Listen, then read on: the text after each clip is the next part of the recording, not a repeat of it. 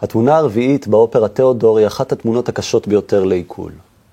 הרצל הבוגר, שאותו שר הבריטון עודד רייך, יוצא מביתו בפריז כדי לקחת אוויר מהמריבות הבלתי פוסקות עם אשתו ז'ולי. הוא מוצא את עצמו ברוב הפיגל הידוע לשמצה, שם הוא נתקל בסרסור שמנסה לפתות אותו לשכב עם נערה צעירה. תחושת פיתוי אוחזת בהרצל שמתחלפת מיד בגועל ובכעס נורא.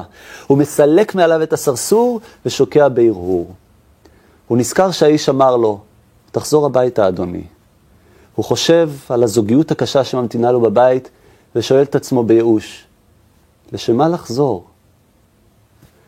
המלחין יונתן כנען מצליח ברגישות רבה לצבוע את הסיטואציה הקשה במוזיקה הנוגעת ללב. אנחנו ממש יכולים להרגיש את הכאב ותחושת הזרות והניכור שהרצל חווה ביחסים עם אשתו. האריה מתחילה בליווי תזמורתי שמזכיר בסגנון את שיריו היפים של סשה ארגוב, מנכסי צאן הברזל של השירה העברית.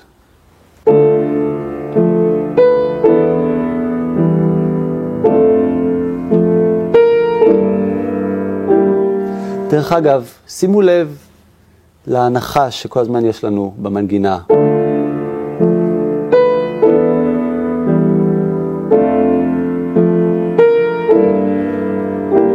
אפשר למצוא את ההנחה הזאת לאורך כל ההיסטוריה של המוזיקה. למשל, בפרילוד הרביעי של שופן.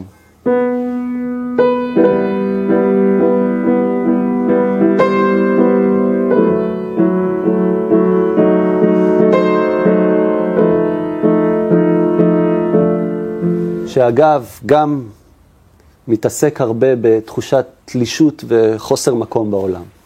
ככל שההתרגשות של הרצל גוברת, לעומת זאת, המוזיקה מתעצמת ומקבלת נופח אחר לגמרי.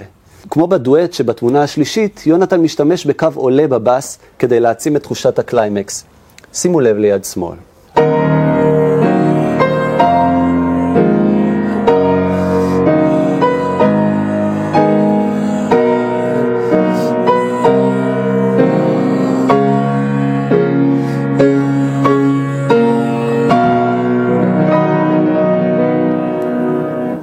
בשיאה של רעדת הרגש, כשהתזמורת מנגנת פורטיסימו, היא לפתע מפסיקה. והרצל שואל את עצמו בייאוש באקפלה, ללא ליווי, לשמה לחזור? התזמורת מצטרפת לסיומת בפיאניסימו עם אקורד אחרון שאיננו הטוניקה. תכף אסביר מה זה טוניקה.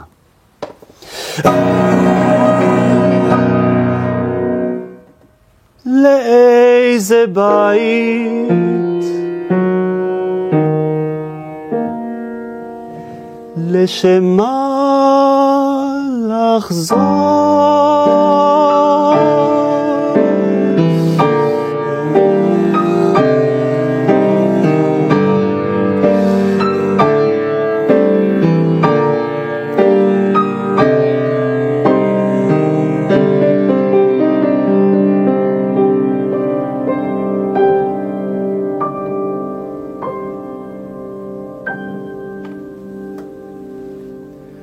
הטוניקה היא הבית בהרמוניה של המוזיקה.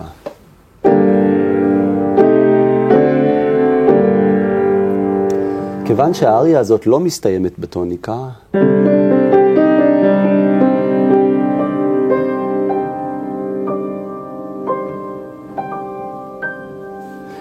אנחנו מרגישים באופן העמוק ביותר את תחושתו של הרצל. אין לו בית לחזור אליו. דרך אגב, המוטיב של בית יחזור אלינו בסוף האופרה, כאשר החסך הרגשי שהרצל חווה בביתו הפרטי, יוביל אותו לרעיון הגדול שלו, שהכניס את שמו לדפי ההיסטוריה. בית לאומי לעם היהודי.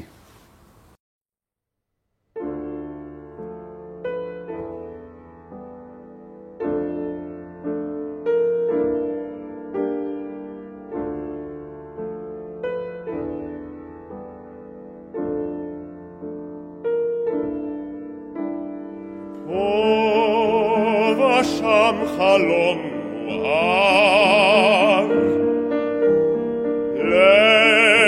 לחישות והנחות מריבה קולנית פיוס קולני לא פחות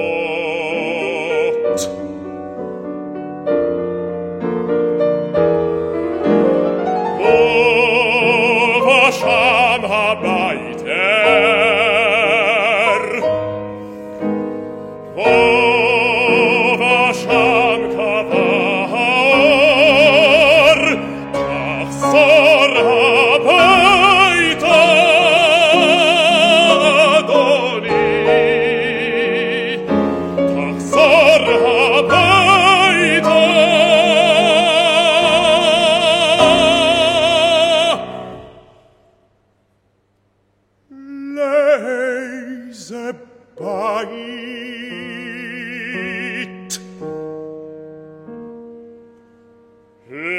Malach